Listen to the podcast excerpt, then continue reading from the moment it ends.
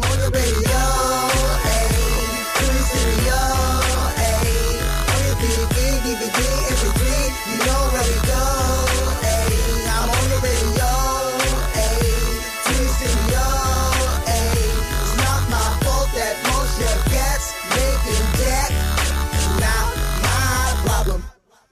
Yeah, yeah, yeah, yeah. Mijn naam is 9G Music en dit is de Joint Radio. Alleen vandaag omgedoopt naar de Joint Politics. Dus Anies, aan jou het woord. Goedemiddag.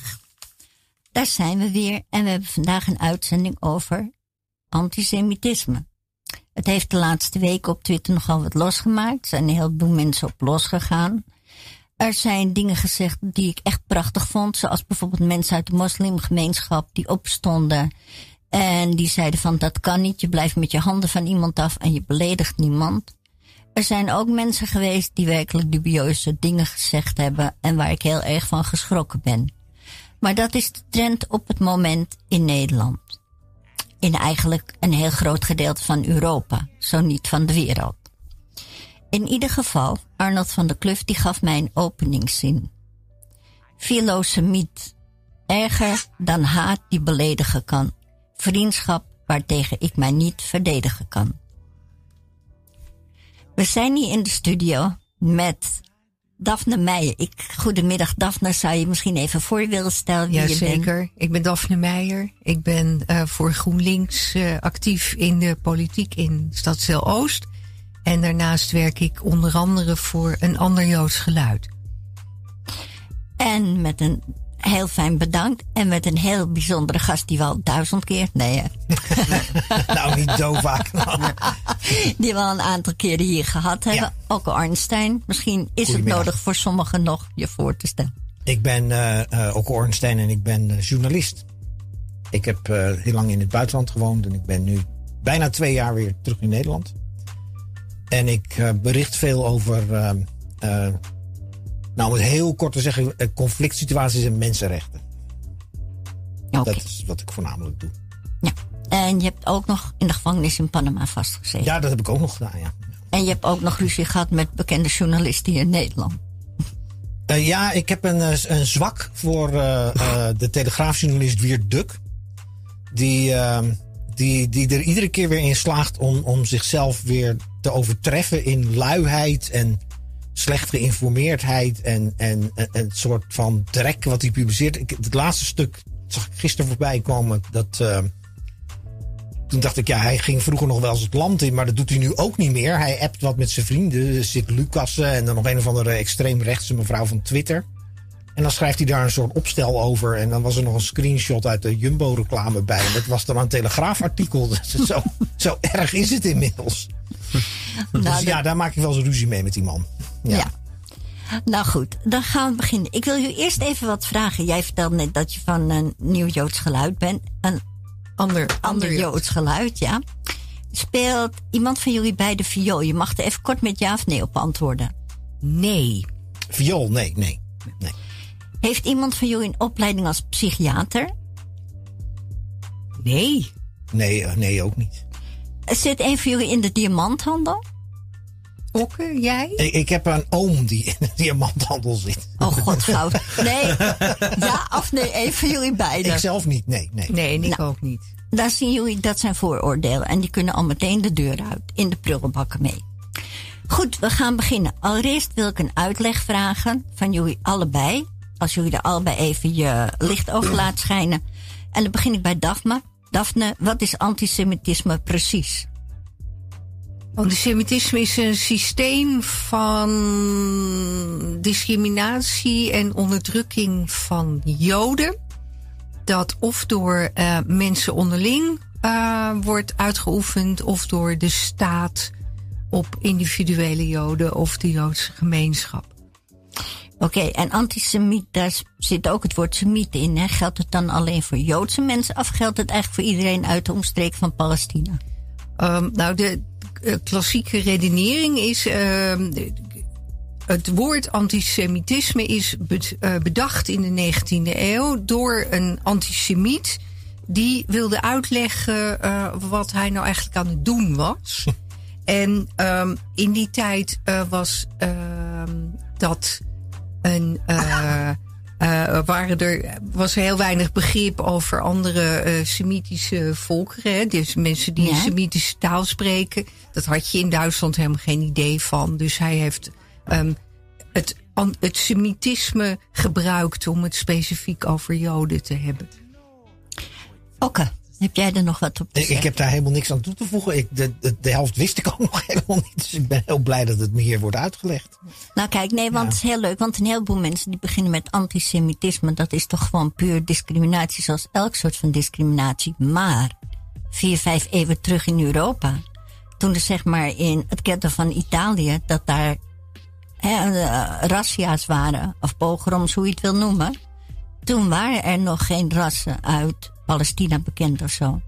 Dus het klopt dan wel dat antisemitisme echt iets is wat hier in Europa op de markt gekomen is tegen Joodse mensen. Ja, dat. eh, Mag me verbeteren hoor. Nee, dat, volgens mij eh, klopt het. Ja, Ja, hè? ja. Oké. ik zit. eh, Ja, ik ben geen historicus, maar dat, dat klopt volgens mij wel. En het, het is ook. ehm, heel veel mensen denken bij antisemitisme, merk ik in mijn werk als ik er iets over schrijf of iets over met mee te maken heb, dan eh, denken mensen dat het iets is van de Tweede Wereldoorlog. En dat is natuurlijk helemaal niet zo.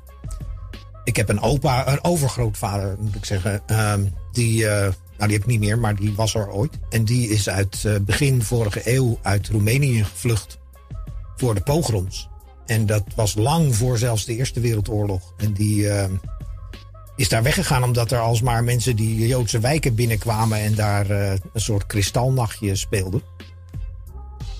En die is lopend naar Nederland gekomen. Hij wilde naar de Verenigde Staten. En hij moest ook plechtig beloven in Roemenië, dat papier hebben we nog wel ergens, dat hij nooit meer terug zou komen. Dus hij kreeg een uitreisvisum. En daarmee raakte hij ook zijn nationaliteit kwijt. En hij mocht ook niet meer terug. En hij is toen hier gebleven in Nederland. En daarom ben ik hier nu ook. Ja. Maar, ehm, dus dat, ik bedoel, als je een beetje in dat soort geschiedenissen duikt, dan is het al vrij snel duidelijk dat dat natuurlijk niet iets is wat van 40, 45 stamt of zo. Of van vlak daarvoor. Of dat Hitler het heeft uitgevonden. Dat is echt al een vrij lange Europese traditie. En niet alleen Europees trouwens, ook Afrikaans, Midden-Oosten. Valasja. Ja. Daphne, je wil wat zeggen. Nou, ik wil nog misschien even toevoegen dat het antisemitisme heeft ook iedere keer een ander gezicht. Vroeger had je het, eh, eh, het religieuze christelijke antisemitisme. En dat was eh, wij christenen zeggen, de christenen hebben de joden eigenlijk vervangen als eh, Gods volk. En wij ehm, eh, de, de christenen hebben Jezus, of de joden hebben Jezus vermoord en daar moeten wij hen voor straffen. En nou ja, dat, dat hoor je amper nog maar. Maar nu, later werd het meer wetenschappelijk. En werden, gingen allerlei mensen Joodse schedels meten. Om te kijken in hoeverre Joden dan verschilden van andere mensen. En weer later was het uh, meer economisch. Van de Joden een bepaalde rol in de economie. Of als communist of als kapitalist. En nu is het weer wat anders. Iedere keer is het is een soort uh, uh, shapeshifter, dat antisemitisme. En iedere keer uh, heeft het weer een andere vorm. Hmm. En dat is wel um, heel opvallend, denk ik. Is het niet zo dat antisemitisme eigenlijk ook wel heel erg gevoed is door de katholieke kerk? Ook, maar ook door um, de protestante kerk, door um, Luther. Dat was ja, het christelijke, dan maar. Uh, bekende antisemiet. Ja, het antisemitisme heeft allerlei uh, bronnen. Dus ook uh, de katholieke kerk. Maar in ieder geval het christelijk. Want ik vind het altijd zo grappig dat men praat over. Uh, in de joods-christelijke uh, cultuur die we hebben. Dat de Joden hebben Jezus aan het kruis genageld. Maar ze vergeten er wel altijd bij te zeggen dat Jezus. In het verhaal dan, als je dat wil geloven. Maar voor de katholieken of de christelijke. Een klein Joods jongetje was wat in Palestina geboren is. Dus eigenlijk is het een Palestijntje. En dat wordt vaak vergeten. En hij verbeelde zich nogal wat. Als je het verhaal moet geloven. Was het misschien niet gewoon een opstandeling tegen de heersende machten toen de tijd? Ja, waarschijnlijk wel. Een Che Guevara van. Uh, de jaren dertig van uh, de eerste eeuw. Ja, ja zoiets. Dat, uh, dat zou heel goed kunnen. Jezus was een communist, we zijn het eens. Goed, dan gaan we verder. Uh, ik heb iemand die vraagt, of zegt, probleem is ook dat antisemitisme wordt misbruikt door het volk en godsdienst door elkaar te gebruiken. Maar antisionisme beschouwt niet als antisemitisme, nog kritiek op Israël. De meeste sionisten geloven ook niet in God. Door, derhalve is het voor hen geen godsdienst, maar een manier om zich te verschuilen achter godsdienst. Ja. Go for it. Kijk, de, Nou. de, de discussie, zijn wij nou een volk of zijn we nou een geloof, is denk ik zo oud als het Jodendom. Ja, een ras of een geloof. En eh, ik houd er altijd maar bij dat het allebei is. Ja, En, ehm, maar daar komt, deze, daar komt deze vraag een beetje vandaan. Want als je dan als je een, een geloof bent en je bent al- als niet-gelovige ga je eh, Israël eh, bevolken. Dan ja, waar komt het dan vandaan? Maar dat is natuurlijk gewoon, het is natuurlijk gewoon ook een volk. Zoals je het Nederlandse volk en het, het, het Arabische volk en zoveel volkeren hebt in, eh, in de wereld. En ehm, ehm, dus ja, ik begrijp, ik, ik begrijp dat onderscheid wat er gemaakt wordt op zich wel. Maar dit, dit is natuurlijk veel te simpel om het zo te zeggen zoals deze vraagsteller dat zegt. Ja, want hij volgt mee. Is, de vraag is of je überhaupt nog mag praten over antisemitisme als 80% van de Joden in Israël en meer dan 90% in de wereld geen Semitisch DNA hebben. Maar een ras heeft altijd een Semitisch DNA natuurlijk, als je Joods bent van afkomst. ja. Wil, zal, zal ik beginnen? Ja. En dat jij. eh, ehm, ik zei al, go for it. Ja, ehm, kijk. Wat is, wat is Semitisch DNA? En hoe kunnen we dat. Hoe kunnen, ik bedoel, wat is de nulmeting die je doet om het DNA van Joden die nu leven. eh, te eh, vergelijken met ehm, iemand die dan eh, Joods, puur Joods zou zijn. Het is een hele rare, onjoodse manier om ehm, naar het, het en naar het Joodse volk te kijken. Het, is, het volk is een cultuurgemeenschap, is een groep mensen die dezelfde beschaving delen. En voor een deel ook dezelfde taal spreken. En in het geval van de ehm, eh, hui- huidige Joden ehm, ook voor een groot deel niet. Hè, want er zijn heel veel verschillende talen in, ehm, in de Joodse wereld. En het ehm, Semitische eraan heeft ook met die taal te maken. Hebreeuws is een Semitische taal. Net zoals wij Nederlanders eigenlijk eh Frankisch spreken. Ehm dan zou je kunnen zeggen dat wij Franken zijn. Maar dat betekent verder niks. En iedereen zal, die dit nu hoort zal denken... nou, eh dank je wel, interessant. Ehm ga weer even verder. En, ehm, Nou ja, ik dus heb die- weer wat geleerd. Ik heb Ja. altijd gedacht dat het Germaanse taal was. Ja, Dus- het is, het, is, het is een onderdeel van... Oh, eh, dus, eh, de- van, de- van- dus het is een beetje als de Nederlanders zelf. Ze weten zelf eigenlijk niet wat ze willen. Ah, Oké, precies. dat ja, snap ik. Ja, het. dat, precies. Dus het, dat, dat Semitische, daar wordt enorm veel aan opgehangen. Maar in feite betekent het, ehm, eh, heeft het te maken met iemand die een Semitische taal spreekt. En veel Joden spreken Hebreeuws als eerste taal in Israël of als eh, ehm, taal in, eh, in, in de synagoge of eh, hè, op een andere manier. Dus dat, dat klopt wel een beetje. Ehm, maar verder, verder meer is het niet. En of wij nou door DNA ehm, allemaal met elkaar verbonden zijn of niet. Wie niet? Ja, wie niet? en wat, wat doet het er eigenlijk toe? Het is ehm, een manier van, eh, nou ja, wat ik net al zei, het is een manier van kijken. Die, Ja, het- die Joden zelf niet op zichzelf toepassen. En die ook niet echt eh, ehm, heel erg, ja, ook niet heel erg veel verder brengt, denk ik. Nee, en ik denk ook als je het hebt over het Nederlandse volk, daar hoort inmiddels zoveel verschillend DNA bij. eh, om het nog maar niet eens te hebben over de Amerikanen. Dat, dat, dat is misschien niet zo'n logische manier om een volk te definiëren. Denk ik. Nee, maar goed, het is een wapen in handen van mensen die natuurlijk zichzelf antisemiet voelen. Klopt, klopt. Het is een van die Ja. verschijningsvormen van het antisemitisme. Hè. Ehm, eh, vroeger ehm, eh, brachten wij ziektes over als Joden. Oh ja. Hebben we ook En, eh, gedaan. tegen- hè? Hebben we ook nog gedaan. Hebben we ook Ja. nog gedaan. Ehm, En tegenwoordig hebben we dan. is er iets mis met ons DNA of zo? Of, of is er weer op een, wordt er weer op een andere lichamelijke manier naar ons gekeken? Want DNA is in feite ook iets lichamelijks. Ik bedoel, het is, het is in zekere zin de 21ste eeuwse versie van het schedelmeten of zo. En de haakneus. En de haakneus. En de De kromme benen, Ja, de ja, ja, ja, precies. Ja, Ja, daar- dat en de is het dikke natuurlijk. lippen. En, hè, nou, Ja. noem het allemaal. Eh, soepogen. Ja, Maar het is eh, ook, nog, eh, ook nog als, we, als we toch over die kenmerken eh, ingaan. We hebben één iemand die gewoon in eh, Nederland bekend staat om eh, karikaturen te schrijven. En dat is Jan Schenkman.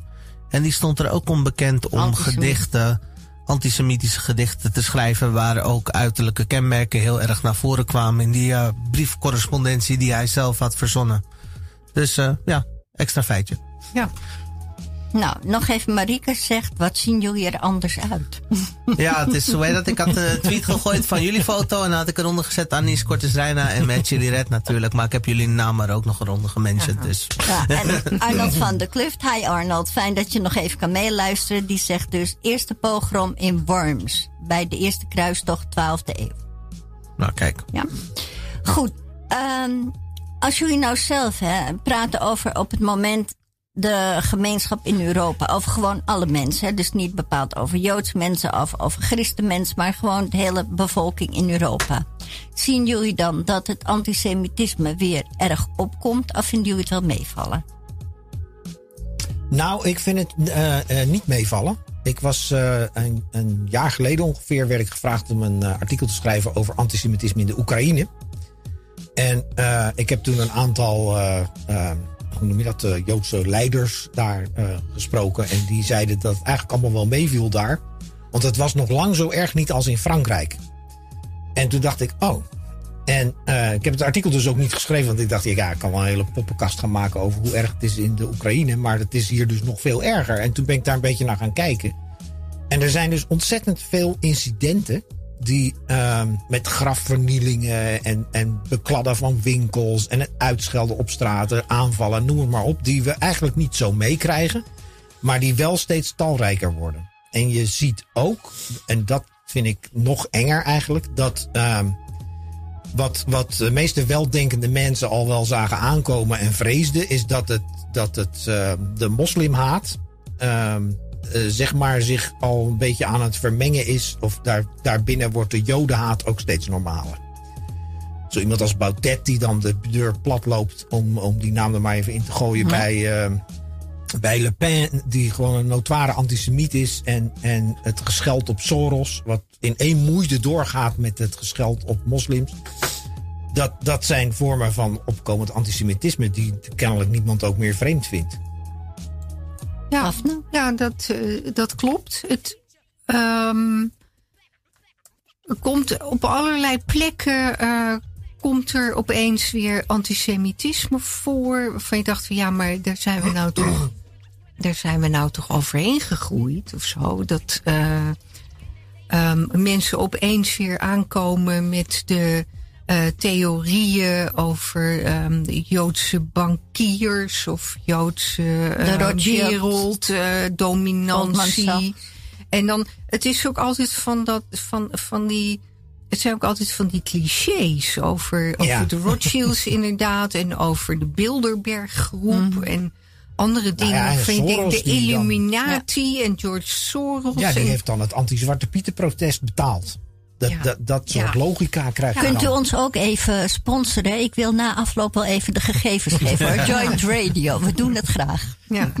Nou. Dus uh, uh, ja, en dat, en, dat, en dat is heel raar. Dat, uh, um, al, dat dingen waarvan ik dacht, echt een halve eeuw heb gedacht, nou, dat, dat komt helemaal, dat, dat is gewoon helemaal weg. Dus niemand meer die daarin gelooft. En dan uh, komt het toch weer. Zoals die, die meneer, die jongen uh, vorige week op de, uh, op de Dam. Die daar dan staat te schreeuwen over. Oh ja. we gaan de Talmud lezen. En dan zullen we het allemaal lezen over jullie. Jullie zijn dus de, het kwaad in de wereld. Ik, de Talmud. Ja, dat. Mm. dat dat, dat, is, dat is eigenlijk heel eng. En, eh, maar Okke heeft gelijk. Het zijn allemaal van die kleine incidenten. Het is een hakenkruis op een ehm, grafzerk hier. En eh 500 kilometer verderop een, demonstratie daar. En ehm, je krijgt je vinger er dus niet achter. Nee, en het Ja. soort taalgebruik wat dan weer. Ja. ehm, wat, wat zeg maar het nationale debat, om het zo maar te noemen, het publieke debat binnensluipt. De omvolken. Dat is, dat is een woord dat komt uit de antisemitische Ja. traditie. Ja, dat is gewoon Ehm, een klassieker. Ja, en dat, maar dat is, dat, is, dat is wat aanhangers van Baudet en Wilders eigenlijk zonder enige gêne gebruiken. En dat zelfs in talkshows en, en, en eh, ehm, eh, dat soort programma's over de tafel gaat. Alsof het de normaalste zaak van de wereld is. Of in ieder geval een soort debatwaardig thema dat, dat gebruikt zou kunnen worden. is het ook niet een eh, stuk eh, tekort aan eigen verantwoordelijkheid? Want wat ik heel vaak opvalt is dan als er, als er iets antisemitisch wordt geroepen wat toevallig door een moslim wordt gedaan of door een donkere persoon, dan moeten we vuur en vlam slaan, want dan is het een probleem. Maar zodra een wit persoon zulke uitspraken maakt, eh, wordt het veel vaker genormaliseerd en gebagatelliseerd. Tenminste, dat is iets wat ik vaak eh, Klopt. opval. Ja, dat klopt. Dat, eh, dat, je hebt daar helaas gelijk in. Ja. Nou, ik wil hier even Agnes Jonk hierop aanhalen van de VCD uit West-Vlaanderen. Die zegt dus dingen als we kunnen niet ontkennen dat de liberale joden zichtbaar aanwezig zijn binnen het bankwezen en het bestuur van de multinationals. De namen Rothschild, Goldman Sachs, de Rockefeller, Warburg zijn er niet onbekend. Door het invoeren van het kredietstelsel en het innen van rentes krijgen ze veel geld en macht in hun handen. Maar ze vergeten dat er gewoon een heleboel banken zijn waar niet-Joodse mensen ook aan zitten. Ja, ik ben altijd een beetje chagrijnig als ik dit zo hoor. Want dan denk ik, ja, waarom hebben ze mij buiten het grote complot gelaten? Nou, ik vind het schandalig. Ik vind het aan het, aan het binnenhalen van al dat geld. Als ik, als ik eerlijk mag zijn, eigenlijk denk ik, als, als je in groot complot gaat denken, dan zou ik eerder liever spelers als Unilever en Shell willen inzetten. Want daar zou je eigenlijk qua macht en invloed veel meer mee kunnen bereiken. Tenminste, dat is, dat is wat ik dan zeg. Maar het hele idee van, van dat er een soort van ehm, groot plan is ergens in, in de lucht. Wat geregeerd wordt of ge, ge- gerund wordt door, of dat nou Illuminati zijn of Joodse bankiers of, of multinationals. Die, die, die- die- het is natuurlijk niet zo dat die één keer per jaar om de tafel gaan zitten en dan bedenken van god, hoe zullen we de wereld nu weer eens een loer draaien. Zo werkt het niet. nou, ik En- denk, en- ik denk en- gewoon dat eh, het meeste deel. dus, Die- die- die wat komen bij een pakket bij elkaar. Het is, het That's is een heel, heel naïef soort van denken wat mensen hebben. Als ze denken dat, dat er een soort groter plan is. Dat is wat je Is natuurlijk bij religie ook al hebt. En dat, dit is een vorm daarvan. Dat er een Ja, maar het is soort ook. Bestemmingsdenken. Maar is het hun angst een- ook, hè? Hè? Is het hun angst? Ja, het is, nou ja, en het is ook een wens. Als de wereld een complot, door geregeerd wordt door eh, complotmensen, hè, door complotten, dan kun je daar zelf nog iets aan doen. Als we accepteren dat de wereld eigenlijk één grote chaos is met allemaal politici en andere mensen die geen idee hebben wat ze aan het doen zijn. Kijk naar bijvoorbeeld de brexit hè, in eh, Ja. Groot-Brittannië. Bijvoorbeeld schoot me ook al te Ja, binnen. Ja, ja. Ehm, als er nou één voorbeeld is van mensen die echt geen idee hebben, dan is dat het wel.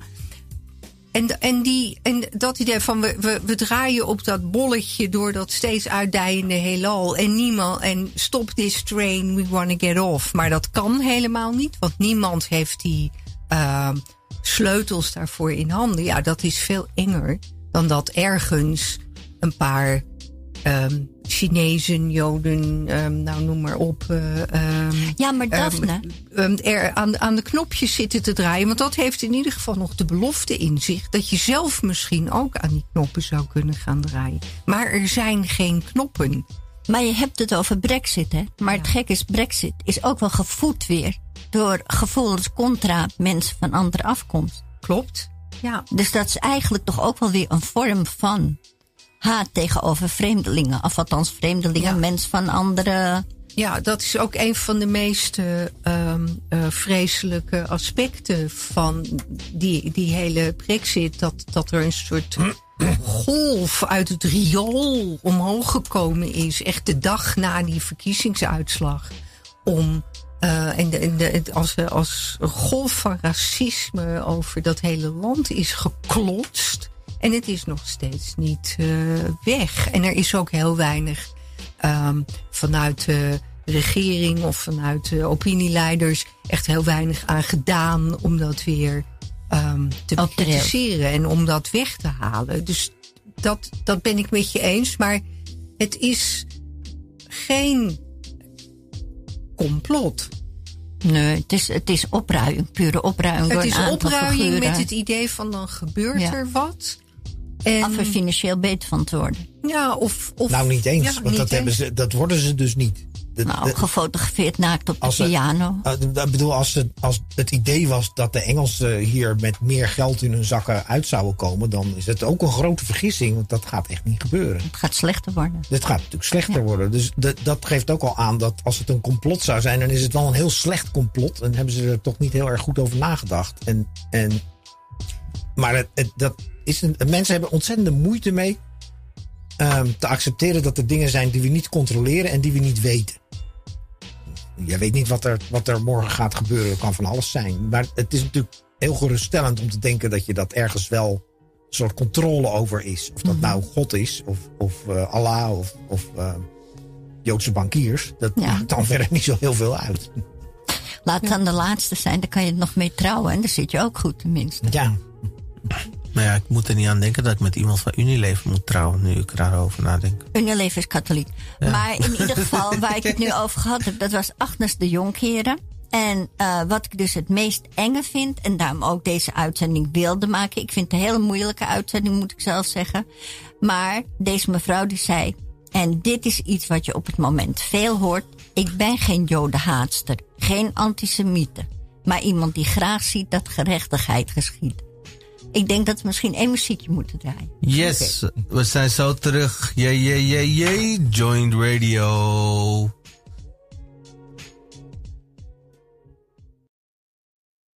I'm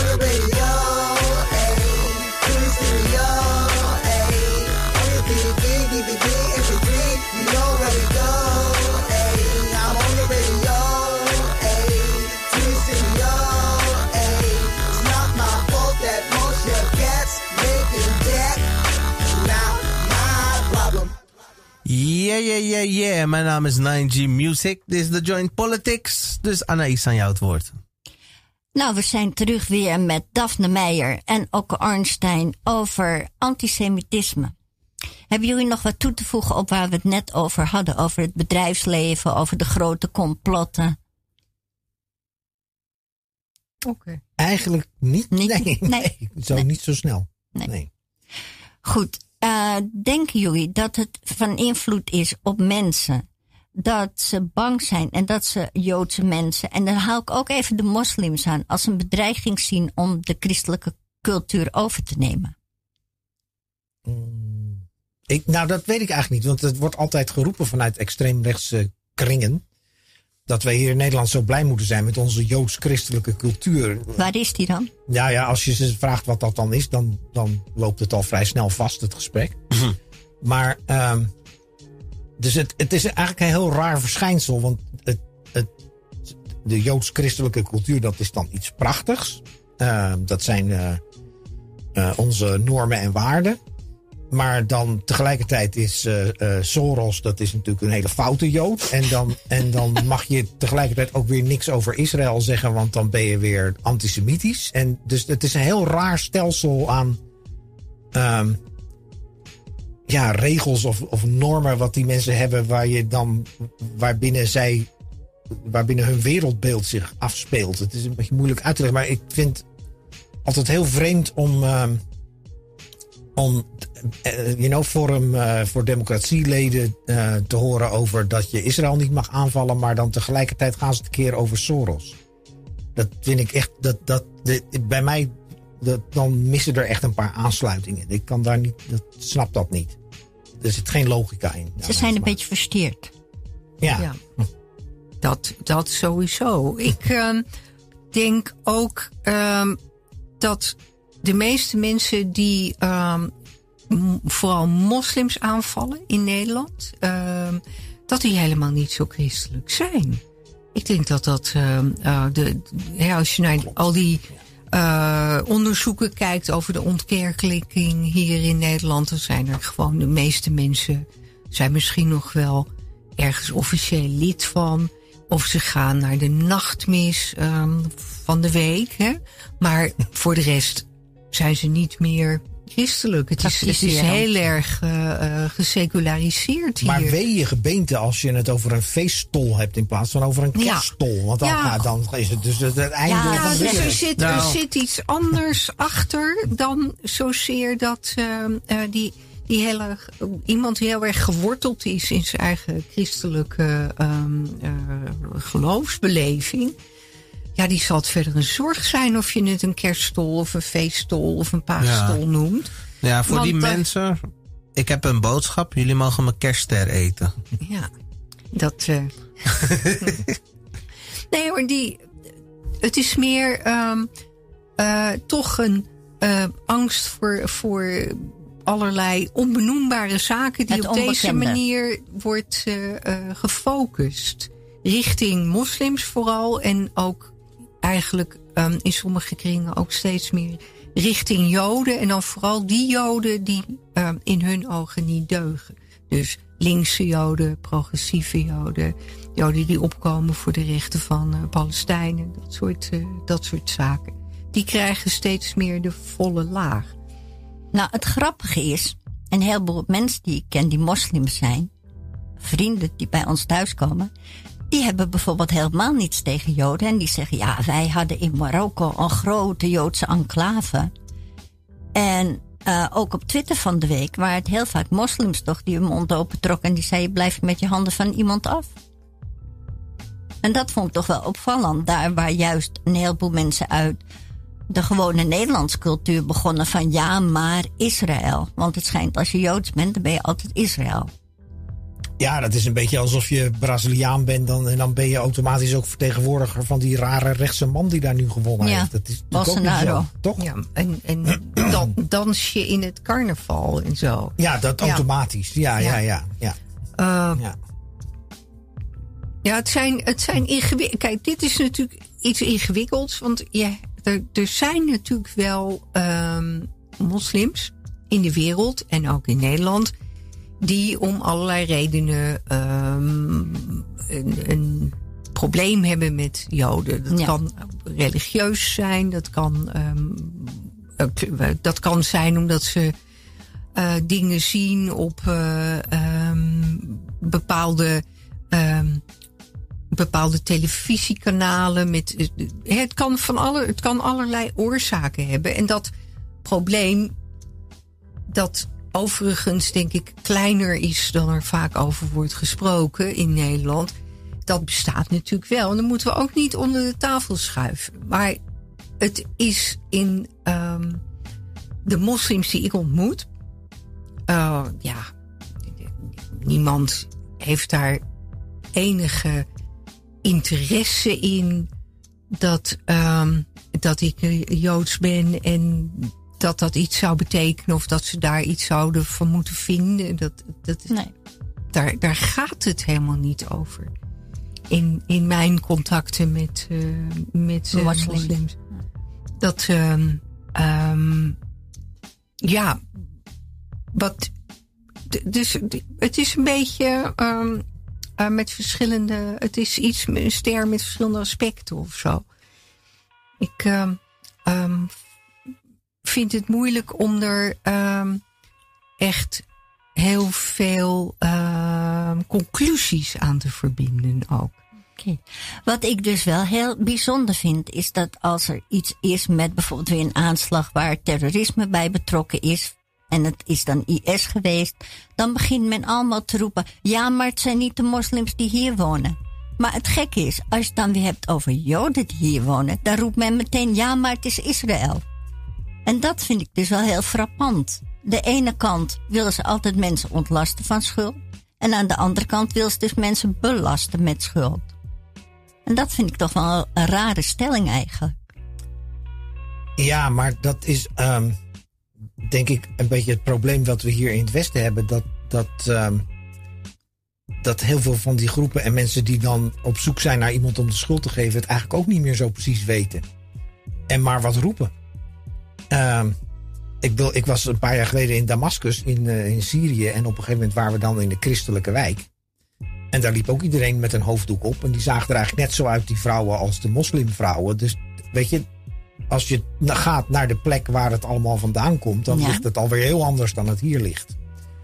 En tot mijn grote verbazing, want dat wist ik ook niet, we gingen daar naar die grote moskee. En daar is dus ook het graf van Johannes de Doper. Een christelijke heilige. En, ehm, maar dat is in de islam dus ook een heilige. En dat wist ik niet, maar dat, dat komt dus. Mensen van allerlei geloven komen daar naartoe om naar dat graf toe te gaan. En ehm, dus als je je er een beetje in verdiept, dan worden dat soort uitspraken eigenlijk al helemaal onmogelijk. Want dan kun je niet meer zeggen van ja, maar het is uit die hoek en het is uit die hoek. Want het, het, het ligt niet zo zwart-wit of ongenuanceerd als veel mensen hier roepen. Ja, want En, en, zoals ik al zei, de meesten weten er gewoon ook helemaal niks vanaf. Er is natuurlijk best jodenhaat, ook onder moslims. En het is ook niet helemaal voor niks dat, dat er na de onafhankelijkheid van Israël zoveel moeite is gedaan om joden weg te krijgen uit bijvoorbeeld Bagdad en eh, Teheran. En, eh, en ook uit Marokko trouwens, want er wordt wel veel gezegd over hoe goed ze daar hadden, maar dat was ook niet allemaal even florissant. Ehm er waren hele geheime operaties om daar de mensen weg te krijgen, omdat die echt onderdrukt werden. Dus dat, dat, er was altijd wel vervolging en onderdrukking. Maar dat wil ook weer niet zeggen dat alle moslims dan tegen de Joden zijn. Dat zo, zo ligt het natuurlijk niet. ik Want denk die dat we, reddingsoperaties waren ook niet mogelijk geweest als daar niet ook mensen waren geweest die hadden meegeholpen. juist. Zo ligt het dan ook. En is het niet zo dat er eigenlijk een heel grote overlap is tussen eh, het moslimgeloof en het joods geloof? Ja, Ja, in veel opzichten wel. Maar goed, niet. niet ehm, veel mensen weten dat ook niet hoor. Die eh, ehm, hebben toch. Omdat Nederland zo geseculariseerd is, is de, is de eh, kennis van die religieuze tradities heel erg aan het wegzakken. Dus ehm, wie Johannes de Doper was en wat hij deed en waarom hij nou in Damascus begraven ligt, dat, dat is iets wat een heleboel mensen al helemaal niks meer zegt. Dus dat. ja eh, klopt. Nou, ik weet wie het was, want ik heb een katholieke opvoeding gehad. Dus Ja, dat weet ik dan allemaal wel weer. En ik weet ook dat zijn hoofd eraf gehaald is om te geven aan eh, eh, de vrouw van, wat was het, een koning of zoiets, hè? Of een... Ja, ik heb niet gecontroleerd of het hoofd er ook was. Nee, dat was allemaal nee. Toch niet. genoeg. Dat vind ik nou weer zo jammer. Zij vroeg het hoofd volgens mij als teken dat... eh, Oké. ja ik, moet, ik moet helaas bekennen dat dit ehm, aspect, eh, dat ik daar nou niet zo goed in thuis ben. Maar eh, dat. eh, dus wat, wat staat er in de Koran bijvoorbeeld? Ehm, heel veel mensen die ehm, op internet dingen schrijven en op Twitter dingen twitteren en Facebook en al die sociale media die hebben dan zeg maar de eh, Wikipedia-pagina erover gelezen, maar verder Ja, komen ze ook niet. Hè? Precies. Ja. Ja, en ze snappen het vaak ook nog niet. ja, of ze hebben ooit het idee van Joden zo vaag, een beetje, eh, maar niet. ehm, ik bedoel, het is ook die, die, die drie religieuze tradities, daar, daar moet je ook echt wel wat van weten om te begrijpen hoe dat in elkaar zit en hoe, de, hoe het allemaal elkaar beïnvloed heeft en heel erg op elkaar lijkt. Vooral islam en jodendom hebben heel veel met elkaar gemeen. Maar ja, als je er niks van weet, ja, dan ehm, wordt dat natuurlijk een beetje een moeizaam eh, gesprek met zo iemand. Nou, ik vond dat heel leuk. Ik kwam vroeger bij mijn ouders kwam een pater over huis, als een theoloog. En mijn vader ging dus totaal niet naar de kerk. Mijn moeder dus eerst wel. En toen zei de pater altijd, zei die van, eh, nou weet je wat, dat Joodse geloof was zo moeilijk voor de Grieken. Toen hebben ze er maar een soort Jodendom light van gemaakt. En dat zou dan het katholieke geloof geworden zijn. Nou, ik vind dat eigenlijk een eh, mooie afsluiter eh, van dit uur. Ik eh, gooi er nog een track in. Onderhand gaan jullie koffie drinken. Ja, wij gaan koffie Ja, drinken. En dat zien we jullie zo terug. Jee, jee. Joint Radio.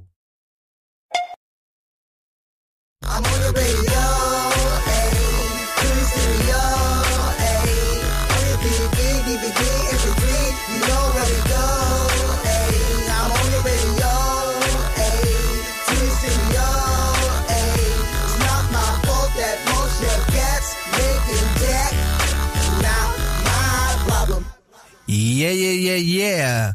Mijn naam is 9G Music. Dit is de Joint Politics. Anaïs, aan jou het woord. Zo, we zijn weer terug. We hebben even een kopje koffie gedronken. En ik ben weer in gezelschap van Daphne Meijer en Okke Ornstein. Die hebben geen verdere introductie meer nodig. Ik denk dat jullie wel het begin van het programma gevolgd hebben. En zo niet, dan gaan jullie nu weten wie dat zijn. Want we gaan het nog even hebben over antisemitisme. Ik heb hier een stelling. Iemand heeft moeite met de term antisemitisme, want het is discriminatie. Waarom een aparte benaming? Dat heb je toch ook niet voor andere godsdiensten en of volkeren? Daarmee sla je iedere discussie dood.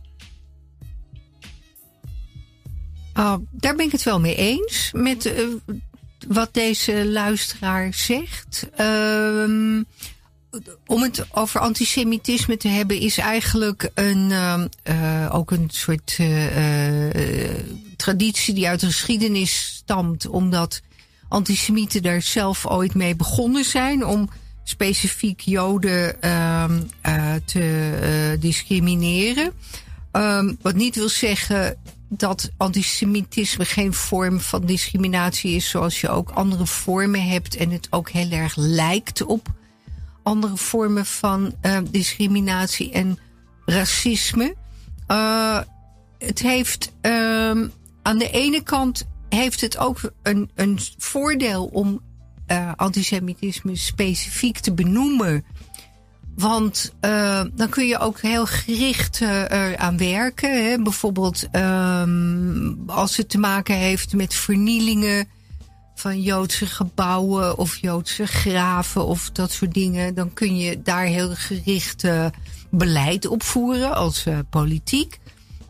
Aan de andere kant um, heeft antisemitisme net als andere vormen van racisme natuurlijk een ja, je moet daar op, op een manier mee omgaan um, door de gelijkheid van, uh, van alle mensen um, heel erg te benadrukken in alle, voor allerlei soorten programma's en allerlei soorten uh, mogelijkheden die je maar hebt als samenleving en als overheid om daar wat uh, tegen te doen. Je zit ik zit heel aandachtig. Oké, okay, ik dacht, je, je, je maakt een beweging, ook, maar nee, zit, we zitten hier naast elkaar in de studio. En ik zag uit mijn ooghoek dat jij een beweging maakt om misschien even in te breken. Maar... Uh, nee, nee, ik vroeg me alleen uh, uh, ineens af, wat, wat doe jij precies bij een ander Joods geluid? Ik ben, uh, ik ben daar aangenomen als medewerker politiek en lobby. Maar ik ben nu politiek medewerker alles. Alles. Dus ik doe ook um, uh, de nieuwsbrief en uh, sociale media en um, subsidievoorstellen schrijven. Ik ben even medewerker alles. En leg dan eens uit wat heel ander geluid inhoudt. Uh, het, Geluid is een organisatie van Joden die in 2000 um, er waren politieke ontwikkelingen in Israël die leidden tot de tweede intifada. En um, uh, er was een deel van de Joodse gemeenschap dat merkte dat daar helemaal geen kritiek op geuit kon worden vanuit Joodse kring. Dat iedereen, het leek alsof iedereen het eigenlijk maar oké vond. En zij hebben zich toen uh, eerst in een grote advertentie in de kranten en later ook in een organisatie tegen verzet. En gezegd, wij, wij zijn het hier helemaal niet mee eens. En wij willen ook dat Israël dat weet. En um, dat is uitgegroeid tot een um, organisatie die zeg maar, op een andere manier wil vertellen wat, um, wat Joden uh, in Nederland uh, bezighoudt. En ook het, zeg maar, het uh, uh, monopolie wil doorbreken van organisaties zoals het CIDI. Die altijd zeggen dat ze namens alle Joden spreken. En dan zijn wij er en wij zeggen, nou, dat is dus niet het geval. Dat is een beetje wat wij. We hebben een andere mening en die willen we ook laten horen. Ja, en wij hebben ook uh, internationale contacten. Wij zitten ook in een internationaal netwerk van Joodse organisaties die het met ons eens zijn en die het ook vinden. En die dus ook andere dingen willen in het Midden-Oosten en met Israël dan, uh, dan wat er vaak gezegd wordt uit onze naam. Dus dat is wat wij uh, doen. Wat wij doen. Daar je zitten nog... ook mensen als Harry de Winter bij. Ja, toch? Harry de Winter is een van de oprichters Ja, dat geweest. herinner ik me, ehm, eh, en andere, eh, samen met een heleboel andere mensen. Ja. Ja. Maar even terug naar de vraag. Eh, vind je ook bijvoorbeeld dat, een, dat po- politieke partijen zich moeten uitspreken voor speciaal hulp aan anti- Joodse mensen die behandeld worden als minder door antisemieten? Moet daar een speciale wet of een speciale gedragscode voor komen? Of, Ehm, ja en nee. Ik denk dat. ehm, ehm, kijk, Joden in Nederland hebben voor een groot deel een geschiedenis van vervolging achter de kiezen. Die nog steeds nawerkt. Die nog steeds doorwerkt. En op dat specifieke eh, onderwerp. Eh, is het goed dat er ook specifiek beleid gemaakt wordt. Bijvoorbeeld ehm, om eh, de eh, dodenherdenkingen te bezoeken en mogelijk te maken. En bijvoorbeeld subsidie te geven, zodat ehm, het gebied van het voormalig vernietigingskamp Sobibor ehm, eh, zo blijft zoals het is. Dat soort dingen, dat, dat is goed. Maar om nou Joden verder helemaal opzij te, opzij te zetten van andere ehm, bevolkingsgroepen die ook gediscrimineerd worden, dat is natuurlijk eigenlijk niet oké. Want daarmee los je het probleem niet op. Eh, en een heleboel Joden willen ook helemaal niet apart gezet worden. Die willen gewoon leven in Nederland net zoals alle andere mensen. Dus er veel, vooral progressieve Joden, linkse Joden zeggen... laten we voor alle vormen van... laten we opstaan tegen alle vormen van discriminatie en racisme. Ook tegen dat, dat nou, toevallig gericht is tegen ons... maar ook tegen dat wat gericht is tegen andere mensen... En uh, laten we uh, dan ook met elkaar samen optrekken. Want met, met elkaar zijn we ook veel sterker dan alleen. Dus dat. Uh, het is een beetje dubbel. En ehm, veel Joden vinden het ook ingewikkeld.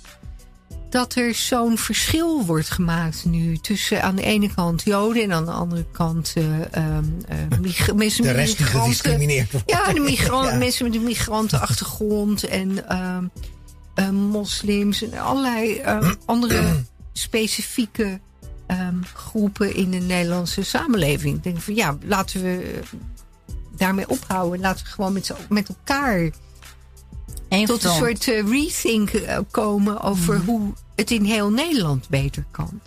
Of in de hele wereld eigenlijk, maar laten we even ons beperken tot Nederland. Dat, dat is de stofzuiger. Ja, ja. wij horen naast ons in de studio is een, uh, iemand aan het stofzuigen.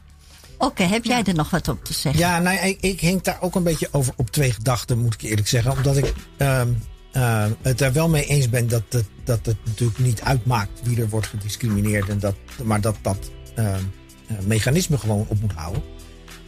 Um, tegelijkertijd denk ik wel dat wat, wat um, Joden hebben meegemaakt in, in de geschiedenis wel uniek is. En dat de Jodenvervolging, dat het zo georganiseerd uitroeien van een volk. Um, dat er gewoon een plan voor was. Dat er treinen werden, kampen voor werden ingericht. Dat gewoon tot in detail geregeld dat, dat dat op die manier zou gebeuren. Dat is nooit eerder en nooit later vertoond in de geschiedenis. Er zijn natuurlijk wel allerlei gruwelijke dingen gebeurd, maar niet dat.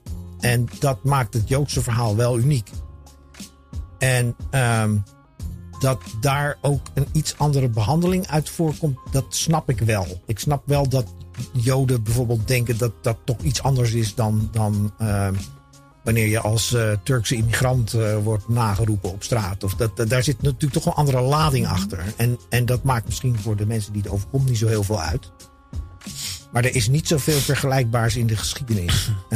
behalve misschien dacht ik net toen jij uh, zat te vertellen, de slavenhandel. Wat natuurlijk ook een heel georganiseerde vorm was om ja. mensen, een continent te plunderen, mensen te roven en die dan te verkopen in uh, de nieuwe wereld voor geldelijk gewin. En uh, ik, ik denk dat dat het enige is wat een beetje in de buurt komt van zoiets als de Holocaust. Is men misschien in Nederland ook een klein beetje verplicht aan de Joodse inwoners om toch iets speciaals te doen vanwege dat toen mensen terugkwamen uit de kampen? Hun huizen geplunderd waren, gepulst waren. dat mensen slecht behandeld werden, zelfs nog rekeningen kregen om te betalen, zijn we het eigenlijk niet als maatschappij een klein beetje. Nou, er is nog steeds gedoe over de roofkunst. Ja, Eh, nu net weer een paar weken geleden was er een uitspraak van de een of andere commissie. Ik heb het niet tot in detail gevolgd. Die zei dat een, eh, een bepaald eh, stuk eigenlijk aan het museum toe moest blijven behoren waar het was. En niet moest worden teruggegeven. En dat heeft internationaal heel veel kritiek gekregen, die beslissing. dus zo goed zijn we ook niet bezig in Nederland. Nou, ik denk. Ik, ik wil dat een klein beetje nuanceren. Ehm, ik denk dat er in Nederland eh, niet in 1945, 46, 47 was iedereen bezig met die eh, totale eh, wederopbouw van, van ehm, het, het land. Maar in de tijden daarna, in de jaren 60, jaren 70, is er wel steeds meer ehm, begrip gekomen en steeds meer zelfonderzoek gepleegd door Nederlanders om te begrijpen van wat is er nou eigenlijk gebeurd en wat hebben wij daar ehm, eigenlijk aan eh, bijgedragen en hoe kunnen we dit goed maken? En toen is er ook wel ehm, steeds met kleine stapjes van alles geprobeerd om dingen ehm, eh, niet goed te maken, maar in ieder geval wel enigszins te compenseren. Mensen, Joden zijn individueel en collectief ook gecompenseerd voor eh, bezit wat van ze geroofd is in, in de jaren zestig en ook weer aan de, zeg maar rond de millenniumwisseling. Dus is wel ehm, in vergelijking met sommige andere Europese landen, waar dat proces amper op gang gekomen is nog, is er, is er in Nederland wel ehm, toch wel het nodige gebeurd. En voor sommige mensen, sommige ehm, slachtoffers die dat zelf hebben meegemaakt, of kinderen van die mensen hè, die dat, zeg maar, hun hele jeugd ehm, dat kampverhaal hebben moeten aanhoren, is het misschien too little too late. Hè, dus toch gewoon het glas half leeg. Maar dat, dat is ook ehm, eh, iets, denk ik, dat Nederland. Je kunt, je kunt niet zeggen dat er, dat er niks gebeurd is en dat de Nederlanders niet iets geprobeerd hebben ehm, goed te maken. Al hebben ze dat misschien soms heel lomp gedaan en veel te laat. Ik bedoel, de NS die kwam onlangs met een verklaring dat ze excuses gaan eh, hebben aangeboden. En dat ze ook mensen gaan compenseren voordat ze hun voorouders hebben meegenomen in de trein in de oorlogsjaren. Nou, het is dan ehm, iets van 75 jaar later of zo. En dan denk ik, nou, nou hoeft het niet meer. Maar voor Zorg anderen. nou maar dat ze gewoon nu op tijd rijden. Ja, nou, dat zit ik, ik wou het niet zeggen, maar. Ja, en, maar voor anderen is dat toch ook wel een heel goed ehm, eh, moment van ehm, ge- genoegdoening. Van nou, eindelijk is er is iemand bij de Nederlandse spoorwegen die wakker geworden is. Of de heidenmaatschappij. Nou, Ja. wat, wat ik eerder denk is dat de NS gewoon traditioneel een bedrijf is wat altijd vertraging heeft. En ik denk dat dat dit weer toont. Maar toen Maar ja, hadden dan is niet zo'n vertraging. eeuw toch wel een beetje heel erg eh, extreem. natuurlijk. Daarom Ja, dat, vertraging. ja. Hoe heet dat? Als we, als we gaan kijken naar de eh, Nederlandse overheid, die, die is helemaal lang eh, wachten met eh, excuses aanbieden aan hoe heet dat, verschillende ex-koloniën en dergelijke. Dat, dat, dat, daar- daar zitten mensen nog steeds vandaag de dag eigenlijk nog op te wachten. Dus Dat, dat klopt. het is een Ja. Nederlandse traditie eigenlijk, zou je kunnen zeggen.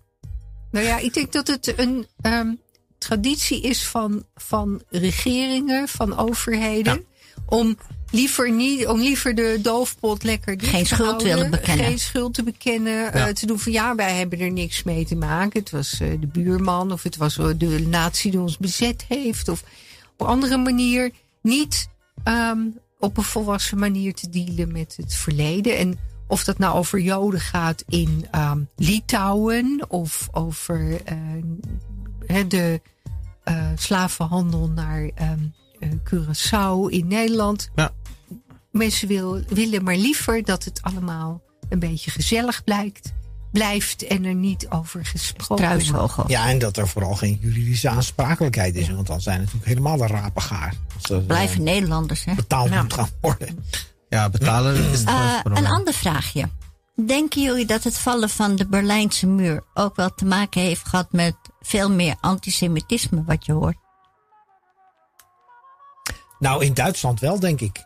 Ehm, ik weet niet of dat hier ook zo is, maar die, de meeste, het meeste wat je nu ziet aan extreem rechts in Duitsland komt uit het voormalige Oost-Duitsland. Ja. Daar is het het sterkst. En, ehm, en daarmee, eh, eh, eh, met die bewegingen, komt ook het antisemitisme weer terug. Of verder op, ehm, hoe je het ook wil zeggen. Dus ja, dat heeft er wel iets mee te maken. Ja. Want als je ziet vroeger dat ook zeg maar de Russische, het communisme, dat dat heel erg antisemitisch was eigenlijk. Nou, je ziet nu nog dat in, in Polen, nou vertel ze niet dat de vernietigingskampen bij hun in het land waren. En dat Als de die Polen bestond niet. echt Ja. bekend stonden als de grootste vrienden van het Joodse volk. En dat, dat is geloof ik zelfs strafbaar om dat daar openlijk te zeggen. Ja, en wat Nederlanders dan weer niet begrijpen, dat zelfs tussen Joden van verschillende soorten, Askenazis of Sephardim, dat er ook weer wrijvingers zitten. Dat men ook weer hoog-Duitse Joden, trouwens Askenazis, dat schijnt ook van de Duitse Joden eigenlijk te komen, hè? Want veel mensen die denken dat het vanuit de Russische kant komt, maar Ja. het schijnt Duits te zijn. Hè? In België heb je de Walen en de Vlamingen. Maar ja, dat is toch wel even iets anders. ik weet niet of dat zoveel anders is. Kijk, je hebt natuurlijk binnen elk volk heb je groepen die, die elkaar het licht in de ogen niet gunnen. Wij zijn hier, wij zitten hier in Amsterdam en dan we, eh, praten we toch meestal met veel dédain over die mensen die daar beneden de grote rivieren wonen. Die horen er toch eigenlijk niet echt bij. Dat blijft heel stil. Nee, ik, ik, ik, ik, ik, ik heb, ik heb vier jaar in Tilburg Wie gezeten. ik ik, ik heb vier jaar in Tilburg gezeten, dus ik moet, ik, het klonk heel aanlokkelijk. Dus ik ben ook vatbaar voor populisme, is de conclusie. Ja, toch? Maar de- de- dat, ja, zo heb je dat binnen elk volk heb je dat natuurlijk wel. Het, eh, ja, Nee, maar omdat men hier praat dan vaak als men het heeft over tegen Joden zijn. Oh, Joden zijn allemaal hetzelfde. Maar terwijl er heel verschil tussen zit. Nou, eigenlijk zou je zelfs. Dus eh, in Duitsers ook. Ja, nou heel, ja. heel verschillend. Die, eh, Maar ja, die wonen meestal in één land. Maar wat er dus met Joodse mensen aan de hand is, is dat die vaak verspreid over meerdere landen wonen. Ja, maar dan nog, dan nog met de Palestijnen is het ook zo. Ja. Dan heb je heel veel verschillen. eigenlijk, nee, maar eigenlijk als je dat. Arabieren eh, ook. Ja, maar als nou ja, je. ja. Als je dat erbij pakt, zou je eigenlijk. eh, als je kijkt hoe Israël ze eigenlijk zijn minderheden behandelt. Dus dan zeg maar de Falasje Joden en dergelijke. Zou je kunnen zeggen dat ze goed antisemitisch zijn in Israël zelf? Dat is ook één ding.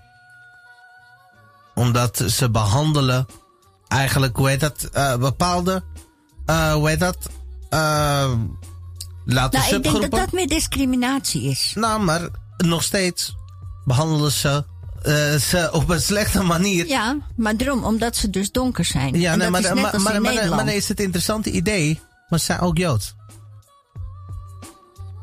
Maar ik vind het, het, het probleem, of het probleem, ik vind het, ehm, eh, de politieke verschillen eigenlijk veel interessanter. Ehm, wat jij net al eh, aankaartte, dat er zo, ehm, zo'n grote groep hier het Sidi is, die dan zeggen namens alle Joden te spreken. En ja, wat toch eigenlijk het meest lijkt op een soort Likud-fanclub.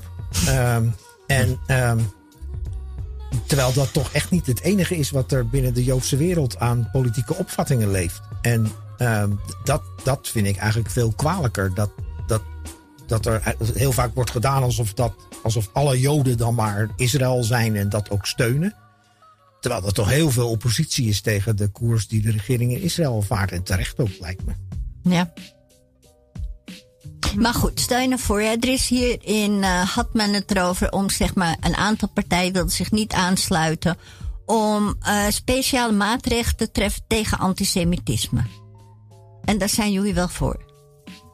Nou ja, en als je doelt op het Joods akkoord, ehm, dat is in de verkiezingscampagne eh, van maart, februari ehm, eh, van dit jaar in Amsterdam ehm, gesloten tussen de Joodse gemeente Amsterdam en de, eh, een groot aantal van de toen in de verkiezingscampagne deelnemende partijen. En uh, Bijeen en Denk en de Partij van de Dieren hebben daar niet aan meegedaan. Want die zeiden, ja, we, gaan niet specifiek alleen voor de Joodse gemeenschap ons inzetten eh, tegen de discriminatie. We doen dat voor iedereen. En ehm, er was ook een probleem dat zat een beetje in de staart van die eh, tekst die toen allemaal door iedereen ondertekend is, behalve dus door die partijen.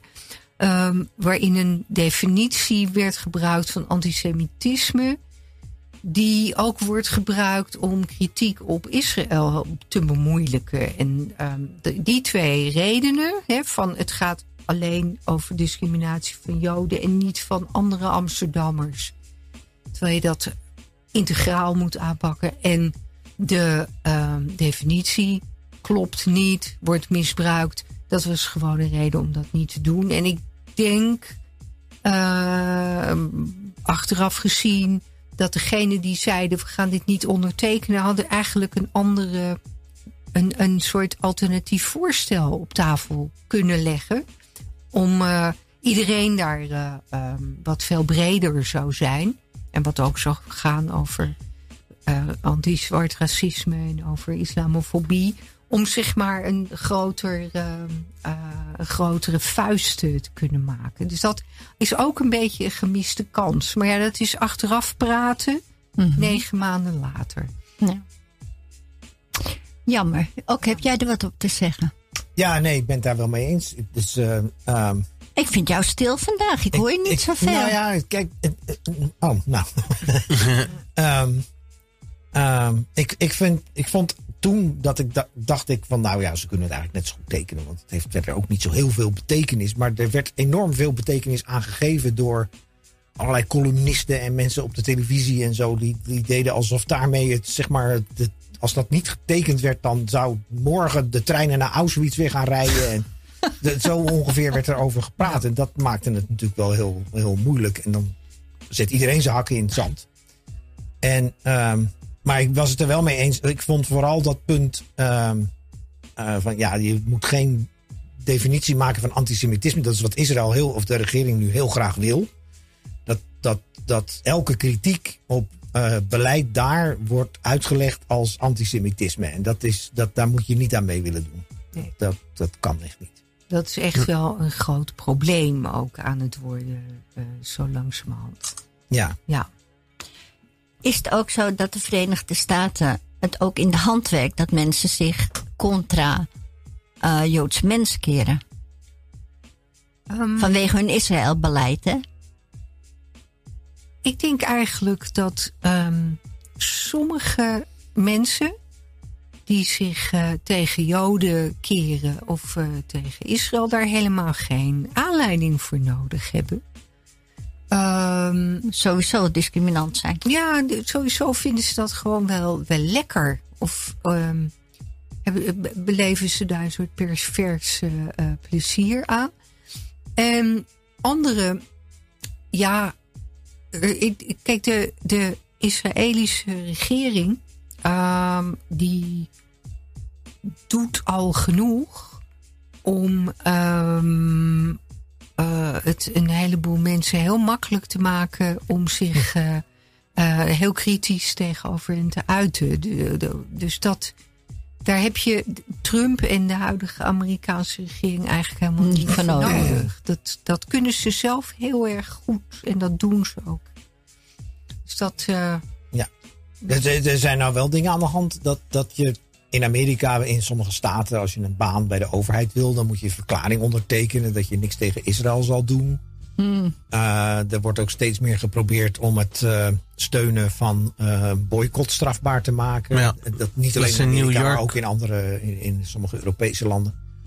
Dat, dat maakt, dat, ik bedoel, daar maak je natuurlijk ook geen vrienden mee met dat soort Nee. beleid. Nee, maar dat wordt ook steeds ehm, duidelijker. Ik bedoel, alle Ja. pogingen om dat stilletjes te doen Ja. zijn mislukt. Want er wordt enorm veel eh, lawaai over gemaakt en er worden rechtszaken gevoerd hè, tegen Ja. die ehm, lokale wetten. Van als ik eh, eh, een aannemersbedrijf heb ergens in Amerika en ik wil een, een school bouwen voor een gemeente, dan moet ik een contract ondertekenen dat ik eh, tegen de boycott eh, van eh, eh, de bezette gebieden ben.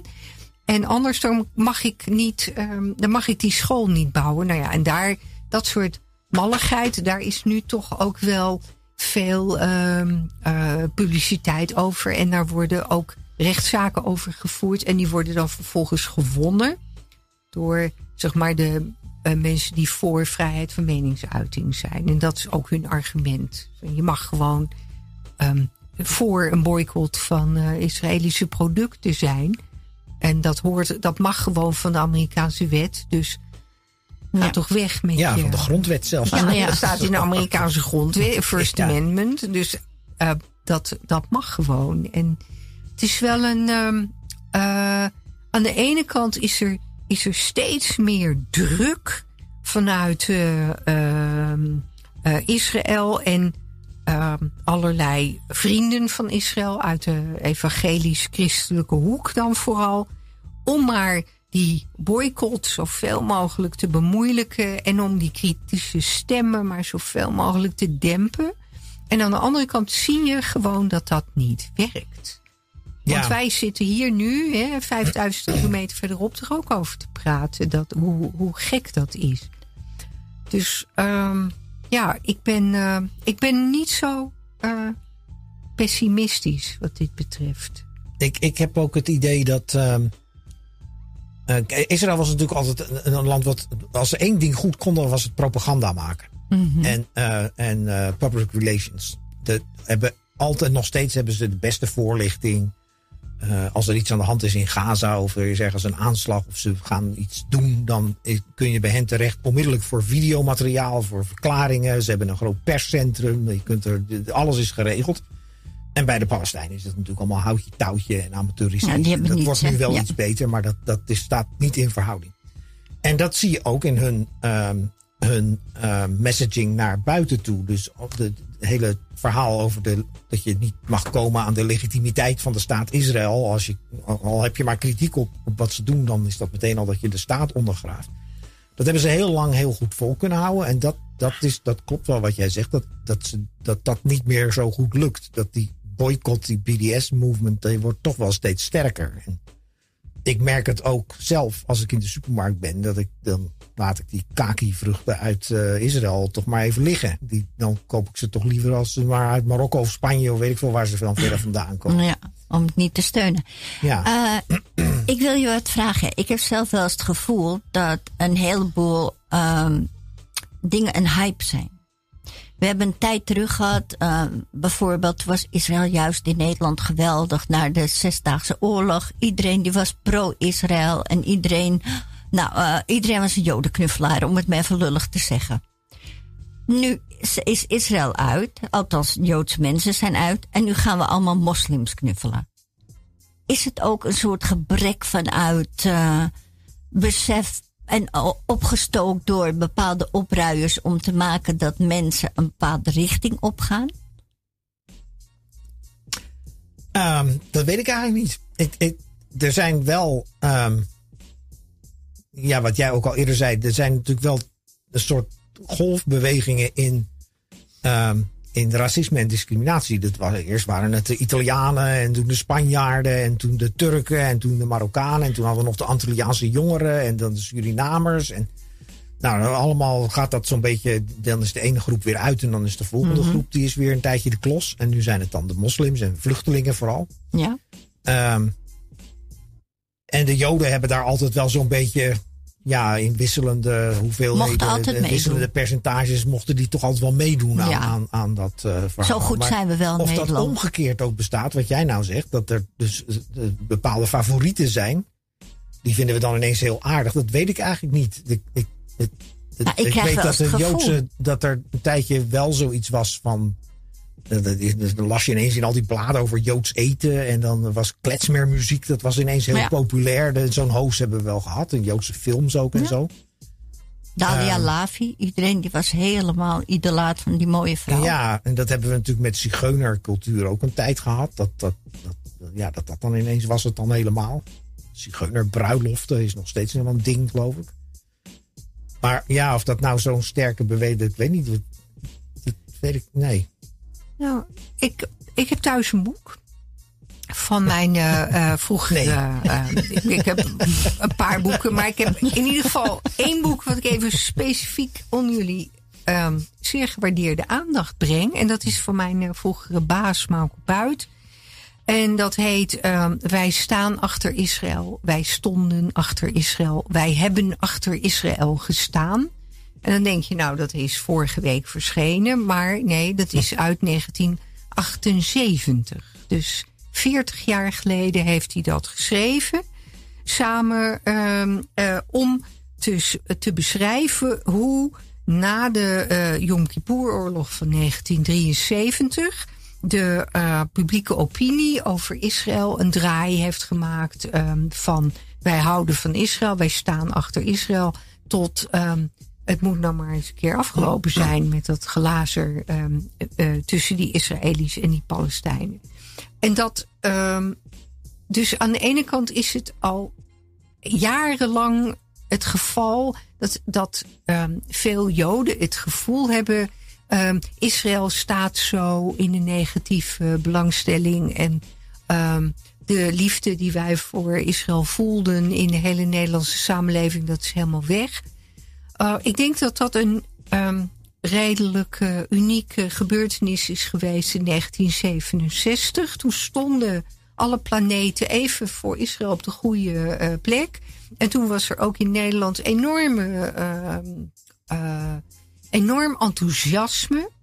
En dat is eigenlijk vrij kort daarna wel weggeëpt. En nog steeds verlangen veel Joden, en zelf betrap ik me daar ook wel eens op hoor. Hm. die verlangen daar wel weer naar terug. Van toen uh, um, Esther Olfarim nog in de Rudy Karel show optrad. Toen was het Af toen Perez aan de macht was. Ja, precies. En um, toen Sonja Barend Hebreeuws sprak, inderdaad, met ja. Simon Peres in de, in de Sonja Goed Nieuws show. Hoe heette dat? Um, mijn details zijn een beetje vaag, maar het is ook al heel lang geleden wat dat betreft is er. Um, het warme gevoel. Het warme gevoel um, is er altijd geweest, maar ook weer niet. En als je. Het is ook weer het glas is half vol of het is half leeg. Als je de hele tijd daarnaar zoekt, dan vind je het niet. En als je het niet zoekt, dan zie je opeens weer een Israëlisch filmfestival. Of komen er een heleboel Israëlische films op de televisie. Of is er iets anders. Misschien als, lijkt, als er een andere regering komt. Zo, zo. Ik weet niet of dat er iets ja. mee te maken dit, dit gaat over, ook over wat, bevolking, wat een bevolking interessant vindt. En ik was van de week in de uh, grote boekhandel. En ik zag dat ze, um, uh, die had vroeger een, uh, tot voor kort een hele verdieping vol met reisboeken. Die reisboeken die zijn allemaal weg. Dat zijn dan nog eh, twee, twee uh, kleine boekenkasten. en er staan nu alleen maar kookboeken. En dingen veranderen natuurlijk ook. Hè? Er is zeg maar smaak um, en wat, wat wij graag willen en wat we interessant vinden als hele Nederlandse bevolking. Dat is natuurlijk ook voortdurend aan verandering onderhevig. En vandaag um, zijn we alleen maar geïnteresseerd in koken en eten en dat soort dingen. En over een paar jaar gaan we allemaal borduren. Of zijn we dat nu al aan het doen, dat maar heb ik dat ik gewoon niet Nee, gezien? dat zie ik ook niet bedoel, Er zijn ook... Um, uh, ook uh, verheugt zich daar nu al op. Ja, ik kan niet wachten. Ja. En dat, uh, uh, dat soort lange termijn uh, verschuivingen, ja, daar, daar, speelt het, uh, daar spelen de Nederlandse Joden en het Jodendom en Israël uh, even in een driehoekje um, ook gewoon hun, hun rol in. En, dus het is wachten op de volgende. Ja, wachten op, uh, nou ja, vooral wachten op betere tijden. Na de ondertekening van die Oslo-akkoorden waren de Israëlische schrijvers, de Israëlische filmmakers, uh, Israëlische koks gewoon niet aan te slepen. Midden jaren negentig. Enorm optimisme bij iedereen van het gaat goed. Er komt vrede en de Palestijnen die gaan het eindelijk beter krijgen. Was een groot optimisme hier. Bij iedereen. En dat is helemaal weg. Dus is de belangstelling voor Israël ook weg. Eh, wil jij nog ja, wat ik zeggen? zit, ja, ik zit te denken, kijk, ehm, als, je, als je nu kijkt naar West-Europa en, de, en, en onze eh, en de cultuur, het- de, en waarmee ik de, ook de politiek bedoel trouwens, maar ehm, dan wat ik zie is dat alles wat avant-garde is, of nieuw, of interessant, of, of, ehm, of eh, ja, nou die drie dingen, dat, dat komt eigenlijk uit de multiculturele samenleving. Dat komt van buiten. Ehm, niet vanuit deze zogenaamde joods-christelijke cultuur, wat dat dan verder ook mag zijn. Dus, dus en ik denk dat het een beetje de vraag is of het Joodse, ehm, of de Joodse cultuur daar nog onderdeel van is of niet, of er nog aan mee wil doen of niet. En om dat te doen, denk ik wel dat er in Israël iets moet veranderen. Omdat het anders toch een obstakel blijft voor eh, al die andere groepen mensen die hier wonen. Om te zeggen van ja, jullie horen daar ook bij. En daar bedoel ik dan niet mee dat, dat er gediscrimineerd wordt, maar wel dat als je enig cultureel gewicht in de schaal wil leggen, dan kun je je eigenlijk zoiets als wat er nu in Israël gebeurt niet veroorloven als volk. En daarom is het denk ik wel belangrijk dat daar de regering verandert. Ja. Ja. En de politiek dus vooral. Ja, nou ja, de politiek. Ja, ja, ja, ja, ja. Er moet echt, de, ik bedoel dat dat conflict niet al lang is opgelost, is eigenlijk te belachelijk voor woorden. Dat, dat, dat hoor ik, dat zeg ik niet alleen, dat zeggen zelfs mensen die ik ken, die nog aan de vestiging van de Joodse staat hebben meegeholpen. En daar met geweren rondliepen. En, en die zeggen dat ook. Het moet gewoon opgelost worden. Heb ik nog... Oh nee, ga maar. Nee, nee, nee. Ik wilde even zeggen, ik ben het helemaal met je eens. Nou, Mooi. Nou, kijk, die gaan niet op de va- Trouwens, iemand heeft hier zo'n zware ademhaling dat wel lijkt of ik zit te pitten, Nanji. Hoor je zelf niet, hè? Nee, ik, eh, het is een beetje erg veel vocht in de lucht. Dus dan eh, Oké, ben ik een beetje een heigend hert. ik hoor het. We schieten hier niet af in ieder geval. Ehm, Nou ja, hoef ik ook geen belasting te betalen. Dus eh, Dan ga je naar de Oostvaardersplassen, moet je zien hoe je er geweest bent. ja, de mensen gaan een hele rare hertenbief Wat een heleboel mensen bijvoorbeeld niet vergeten, die iedereen die afgeeft dus op de staat Israël, dat eigenlijk de landen hier in Europa, ook wel een beetje, vooral Engeland en Amerika, eh, dus dan geen Europa, maar de architect, of althans de Verenigde Staten, laat ik het zo zeggen, de architecten zijn geweest van de staat Israël. zijn reserve Europees. Dus. nou, is dat zo? Ik denk dat het Sionisme, de, de, de wens om de staat Israël te stichten, is toch wel iets ouder dan van, dan van toen de Amerikanen dat een goed idee vonden. Nee, maar na de Tweede Wereldoorlog is men toch gaan beg- beginnen, eh, zijn ze toch begonnen met de landen te verdelen daar zo'n beetje. En toen hebben ze dus eigenlijk wel de staat Israël in zijn huidige staat zoals die nu is neergezet. Nou, hij is nu wel weer stukken groter geworden met roven, maar in het begin. Volgens mij hebben ze daar toch wel behoorlijk moeten ploeteren om een beetje steun te krijgen voor dat initiatief. Dat, en en eh, is dat niet zo makkelijk gegaan als Nee? jij het nu zegt? Nee. nee. Ja, Oké. Daphne? Nou, ja, eh, ehm, ik vroeg me af waar je precies heen wilt. Eh, Nou ja, dat men hier eigenlijk ook wel een klein beetje medeschuldig is. En dat men altijd roept van ja, het is daar en het gebeurt daar. Maar dat eigenlijk ook de geallieerden toen de tijd toch ook wel een beetje schuldig geweest zijn. Zoals de Engelsen vooral een rol gespeeld hebben in het Midden-Oosten. Dat Ja. het is zoals het nu is. nou ja, er, er wordt heel vaak gezegd ehm, dat Israël, het la, eh, Israël-Palestina het laatste eh, koloniale ehm, restje is wat nog niet is eh, ehm, opgelost. En dat, dat dit nog moet worden eh, afgehecht eigenlijk. Er, wordt ook ehm, eh, gezegd dat het ehm, dat je dat niet langer meer in die termen moet bekijken als ehm, zeg maar koloniale erfenis van Europa. En dat je moet zoeken naar nieuwe 21ste eeuwse oplossingen. Dus het is een heleboel commentatoren zijn het ook wel met je eens. En de anderen zeggen ja, maar daar schieten we ook niks mee op. Om het als eh, ehm, als, als een koloniaal probleem te beschouwen waar Europa en Groot-Brittannië en de VS dus ehm, allemaal eh, mede verantwoordelijk voor, Mhm. eh, voor zijn. Want ehm, die Europese landen en, en de Verenigde Staten lukt het ook niet om, om, een, om een oplossing te forceren. Dus ja, het is. eh, ehm, en bovendien zijn, ehm, dat hebben we ook al eerder gezegd, die Europese landen nou bij uitstek niet in staat om over hun eigen schaduw heen te springen en verantwoordelijkheid te onder ogen te zien, zelfs voor hun eigen gedrag. Dus dat. ehm, ehm, ik, ben, ik denk wel dat je up to a point wel gelijk hebt, maar dat het de oplossing niet naderbij in de hand werkt. Nee. Nee. Goed, we zijn bijna door het programma heen. Dan wil ik nog één ding vragen. Is er nog een mogelijkheid en een toekomst voor Joodse mensen in Nederland, in Europa? Mag u altijd op antwoorden? Nou, dat lijkt me wel. Daar kan ik heel kort antwoord op geven. Dat, ik zou niet weten hoe dat niet zo zou zijn. nou, omdat er nou ook mensen willen emigreren. Nou, ik denk dat, dat, eh, dat Europa zonder eh, Joden, dat, dat is eigenlijk niet voor te stellen. Dat daarvoor wonen Joden hier al zo ontzettend lang. En dat is al zo verweven met het, het hele leven hier. Dat, dat, dat, Gebeurt niet. nee, ik bedoel, als het de Duitsers niet gelukt is, waarom zou het dan nu alsnog eh, ineens wel gebeuren? Daar geloof ik helemaal niks van.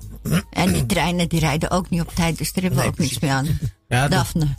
ja. Ehm, daar twee, twee reacties. De eerste is: I'm not going anywhere. Ja, Ehm, En eh, eh, de tweede, eh, Europa zonder Joden ehm, is amper voor te stellen. Maar Joden zonder Europa is ook heel moeilijk voor te stellen. Want Ja. dit is natuurlijk toch ehm, de plek waar heel veel is gebeurd. Wat het Jodendom nu vormen geeft tot wat het nu is. En ehm, ik vraag me af of wij zonder Europa eh, kunnen. En dan heb ik het niet over de EU, hè, maar gewoon over het continent. Of wij daar zonder kunnen. En of het dan nog wel leuk is. Dus vooralsnog denk ik eh, dat, het, eh, Blijven. dat we gewoon blijven. Ja, wohin zal ik gaan? Nou, ik geloof dat we ongeveer wel aan het eind van deze uitzending gekomen zijn. Ja, inderdaad. Jij wilde nog wat zeggen, sorry, ik Nou ja, nee, nee, ik zat gewoon over na te denken. Vroeger was eh, verzet, hè, Sloterdijk opblazen. Dat was impact. Nu tegenwoordig hoef je alleen maar bladeren op het spoor te leggen en het hele treinverkeer ligt stil. Het is gewoon niet zo Ja, hadden wij dat geweten. Ja, precies. Gewoon eh, eh, een paar flesjes water bij een wissel neerzetten en dan was je ook klaar. Goed, eh, ik wil iedereen bedanken die, eh, ik zou bijna zeggen commentaar, die gereageerd heeft op de uitzending. Ik wil iedereen ook bedanken voor het hele afgelopen jaar dat men eh, geholpen heeft met vragen. Dat men het interessant vond om onze programma's te volgen. Ik hoop dat jullie er volgend jaar weer zijn, want we zijn van plan om hiermee door te gaan. Yes. Ik wens iedereen heel prettige feestdagen en ik wens jullie een vreedzaam, gelukkig 2019. En dat we allemaal elkaar de hand mogen geven en dat we niemand, maar ook niemand achterlaten. Ik dank mijn gasten van vandaag, Daphne Meijer. Heel erg bedankt dat je hier was. Graag gedaan. Dankjewel, Anaïs, voor de uitnodiging. Graag gedaan. En ik vond het heel interessant. Ook hartstikke bedankt dat je Niks weer dank. was. En ik hoop je in het nieuwe jaar wel weer tegen te komen. vast wel. Ja. Ja. we gaan wel weer wat moois maken. Goed, eh, ik geef jullie terug in de handen van 9G Music. En fijne dag nog vanavond verder. Nou, sowieso wil ik eh aan East Coast zijn dat we het allemaal samen moeten doen. Behalve die motherfuckers die hebben gesproken over van... Ja, die kerststol, feeststol, lik me kerstster. Voor de rest, fijne feestdagen. En volgende week is de Joint Radio Cypher. Jee, jee, Joint Radio.